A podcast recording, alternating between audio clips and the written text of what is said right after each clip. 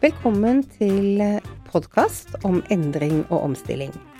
Mitt navn er Cecilie Asting, og i dag har jeg fått besøk av Cecilie Bollingmo, som er avdelingsleder for media i Kantar. Velkommen, og takk for at du ville være med. Takk for det. Jeg har bedt deg komme, Cecilie, for jeg vet du har vært igjennom en del store endringer på jobb.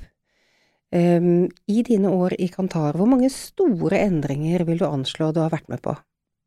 Altså, virkelig store endringer i Kantar har vel da kanskje vært uh, to-tre store endringer. Uh, men uh, i den seksjonen av Kantar hvor jeg jobber, som er innenfor media, som jo er en bransje hvor det skjer endringer hele tiden, så, så er det jo løpende endring, vil jeg si. Mm. Og det er det jo mange som sier i dag. Hvis vi går og ser litt på de klassiske perspektivet på, på, endring, så ser man jo ofte at man har en situasjon som man trenger å gjøre noe med. Man gjør en omstilling, og man får en ny situasjon, ønsket situasjon. Er det sånn endringene skjer hos dere? I noen uh, tilfeller så skjer det på den måten, og kanskje spesielt uh, de store endringene skjer på den måten. Eh, og det kan jo være at eh, ens kunder eller markedet eller noen av betingelsene man jobber under, endrer seg såpass at man ser at den måten man så langt har organisert arbeidet på, eh, krever at det gjennomføres endringer for at man faktisk skal klare å opprettholde en rolle som Altså i forhold til å være en attraktiv leverandør til markedet. Ja, og mediebransjen har jo endret seg enormt de, de siste årene, ikke minst av teknologi, vil jeg anta? Absolutt, og, men alle bransjer i dag utfordres jo av uh, de teknologiske endringene. Mm. Uh, det dreier seg jo alt innenfor, uh, altså alt innenfor handel utfordres teknologisk. Banktjenestene er helt annerledes i dag enn det de var for 30 år siden. Eh, og mediebransjen er definitivt en bransje som har vært eh, utsatt for mange og store endringer, nesten sammenhengende, over, eh, jeg vil si, de siste 30 årene i hvert fall. Når du peker på dette, og, og, vi tok utgangspunkt i den klassiske teorien, så tenker jeg likevel at vi nærmer oss litt mer det situasjons... eh, situasjonsperspektivet på endring, hvor man ser på hvorfor er det nødvendig. Eh, så går man og ser på hva som skal endres, og det siste spørsmålet man stiller seg eh, er hvor skal endringen gjøres? For når du nevner at eh, vi må følge med i markedet for å kunne være attraktive osv., så, så høres det ut som du snakker om ytre drivkrafter, og vi har jo snakket om teknologisk utvikling, for eksempel. Men globalisering eh, er vel også en av disse drivkreftene. Har det påvirket dere i deres selskap? Det er klart at det påvirker oss eh, når eh, noen av de kundene som vi skal levere til, er, har et marked som spenner over hele verden, da. I tillegg så har vi Eh, eiere og er en del av et stort selskap som, som har, er representert i uh, veldig mange land, godt over 100 land på verdensbasis. Og det innebærer jo at vi i Norge innimellom blir en liten brikke i et mye større spill. Sånn at endringer og måten vi er organisert på, besluttes ikke nødvendigvis av ledelsen lokalt hos oss, men det kommer sterke føringer fra en konsernledelse som har tanker om hvordan ting skal eh, utøves på en annerledes måte enn det man kanskje har gjort så langt. Ja, og du nevnte jo også at dere har fått nye eiere, og det også er jo en drivkraft, men det er jo en innvendig drivkraft, der, ikke sant, hvor premissene blir annerledes fordi de de som kjøper dere opp, kanskje har en helt annen måte å drive forretningen på, eller helt andre tanker om, om både ledelse og eh, ja, drift generelt. absolutt. nå har vi så langt hver vært til dels Altså til dels forskånet i forhold til i hvilken grad våre eiere detaljstyrer eh, de oppgavene som vi utfører. Men eh, navnemessig har vi vært igjennom flere endringer. Eh, når jeg startet, så het vi TNS Gallup. Eh, og så kom det nye eiere inn etter en stund, eller altså så endret de, og så skulle vi kun hete TNS. Og så fikk vi nye eiere inn, eh, og som da besluttet at eh, alle selskap innenfor paraplyen skulle hete samme, så for ca. tre år siden så endret vi navn til Kantar TNS. Og for ca. et år siden så eh, besluttet de at vi kun skulle hete Kantar.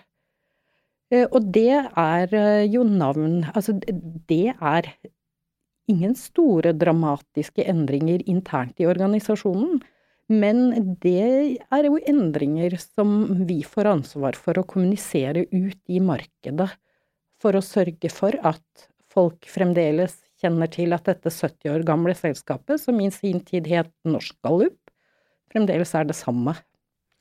Når dere gjør disse navneendringene, du sier at de er ikke så store, men men føler du at navnet til Altså kulturen sitter litt i navnet også? Eh, og har det i tilfelle påvirket Har kulturen deres blitt endret gjennom alle disse navnebyttene, eiebyttene, gjennom tidene? Eh, parallelt med navnebyttene, eh, så er det jo også vært endringsprosesser som dreier seg litt om hva vi som organisasjon har som visjon å være hvor vi i altså den tidlige morgen eh, var en datainnsamler eh, og gjennomførte markedsundersøkelser, så, så, er det i dag mye mer komplisert. Fordi i dag så er tilgangen til data i ulike virksomheter, altså tilgang til egne data i, i ulike virksomheter, ekstremt stor.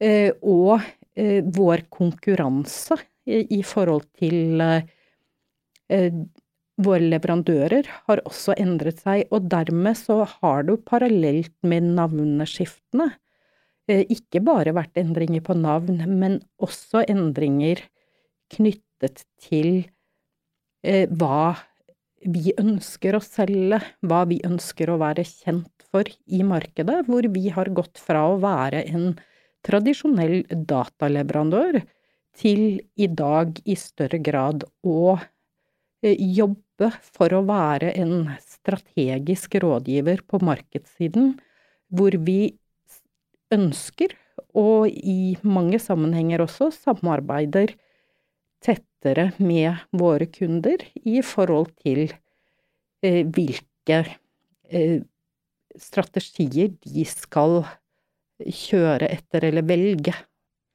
Men, men, det du sier der, det har jo ganske mye å si for kompetansen til medarbeiderne. Har eh, medarbeiderne ønsket å tilegne seg ny kompetanse, eller har det ført til at dere i noen tilfeller har måttet gjøre uh, at noen blir overflødige, mens dere har måttet ansette annen type kompetanse? Eh, vi, altså, vi har vært en bedrift som tradisjonelt, eller i alle de årene som jeg har vært her, med unntak av det siste halvannet året, har vært forholdsvis eh, forskånet for nedbemanningsprosesser. Eh, men vi har vært igjennom en runde eh, nylig med en nedbemanningsprosess. Og da er det jo sånn at man ser at man trenger en annen kompetanse inn i virksomheten i dag enn det man gjorde for eksempel ti år siden. Eh, og det å endre kompetansen internt eh, kan jo gjøres på ulike måter.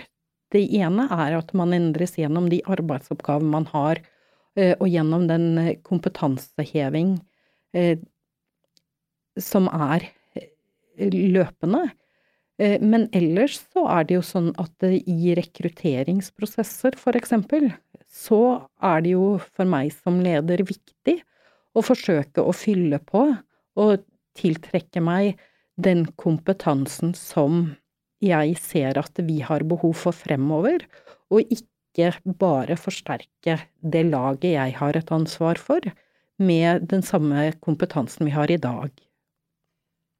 Men eh, når man gjør slike endringer, hva, hvordan reaksjoner har du fått, eller har du selv opplevd, når man skal gjøre noe som oppleves uh, drastisk, kanskje? Det behøver ikke nødvendigvis å være det, men, men, men, har du sett noen reaksjoner på endringer som har vært ulike fra, fra ulike medarbeidere? Ja, og det har jeg for så vidt erfaring med fra tidligere også, i min forrige jobb, hvor jeg jobbet innenfor Orkla Media-systemet i 13 år. Eh, hvor vi ofte hadde endringsprosesser, så er det svært ulike reaksjoner hos folk på endring. Eh, og spesielt i nedbemanningsprosesser så er det så, kan det bringe frem sider og reaksjoner hos folk som eh, Altså, det kan være vanskelig for noen å håndtere. Og det kan skape usikkerhet og utrygghet i organisasjonen. Hvordan er det for de som får bli igjen da i nedbemanningsprosesser? Er, det alltid, er de alltid veldig fornøyd? Det, er, det varierer. Det dreier seg jo selvfølgelig om eh, hvilket hvordan man klarer å samle de som er igjen, i forhold til veien man skal gå videre. Eh, og om de tror på den veien, og om de er motiverte for å, å være med på det. Eh, det er eh, viktige lederoppgaver i sånne type endringsprosesser i forhold til å hjelpe medarbeidere til ikke å grave seg ned i de tingene man kanskje ikke har mulighet til å gjøre noe med, men heller rette fokus på det som ligger foran en, og prøve å motivere og engasjere til å finne nye løsninger og nye måter å samarbeide på. Så opplever jo jeg at i eh, mange situasjoner innenfor ledelse så er det så er det store forskjeller på, på, medarbeidere, på samme måte som det er store forskjeller på ledere. Men i noen tilfeller så er det jo medarbeidere som har en forventning om at eh, ledelsen skal legge til rette og ordne og fikse alt. Eh, og kanskje i mindre grad ser at de som medarbeider også har et ansvar for å bidra til endringen. For hvis man som medarbeider fortsetter å Hvis man har omorganisert eller tenker seg at man skal organisere et arbeid annerledes, og man har medarbeidere som fortsetter å gjøre ting på akkurat den samme måten som før, så blir det vanskelig å få til endringen.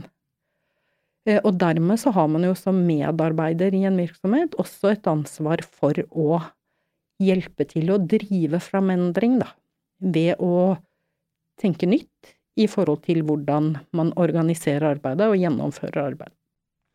Tror du at eh, det er noe som vi må venne oss mer til alle sammen, fordi at det vil skje stadig endringer i de aller fleste virksomheter? Absolutt. Det, det er det ikke tvil om. Eh, det er eh, altså den teknologiske endringen som er i dag, påvirker hele samfunnet vårt. Og det påvirker alt vi gjør og holder på med eh, knyttet til handel og eh, kommunikasjon med mennesker og hvordan vi lever eh, livene våre. Så jeg, jeg, tenker jo at man er nødt til å bare være med på endringen og prøve å tilpasse seg det nye. Og kompetanse innenfor teknologi og det å lede teknologisk utvikling er veldig sentral nå, og kommer til å fortsette å være det. Ja, og det er jeg veldig enig med deg i, og det var kanskje også en veldig god oppsummering av eh, denne podkasten om endring og omstilling. Du sier altså at ja, av og til så skjer endringer på en tilnærmet klassisk teoretisk måte, hvor man har én situasjon som man ser ikke fungerer, gjør en omstilling og får en ny nå-situasjon. Men du har også pekt på at det er mange situasjoner som fører til at vi har kontinuerlige endringer. Vi har snakket litt om ytre krefter og indre krefter. Og til slutt sagt at uh, endringer, det må vi kanskje alle forberede oss på. At de er kommet for å bli. Tusen takk, Cecilie, for at du kom og var med i denne podkasten. Takk for meg.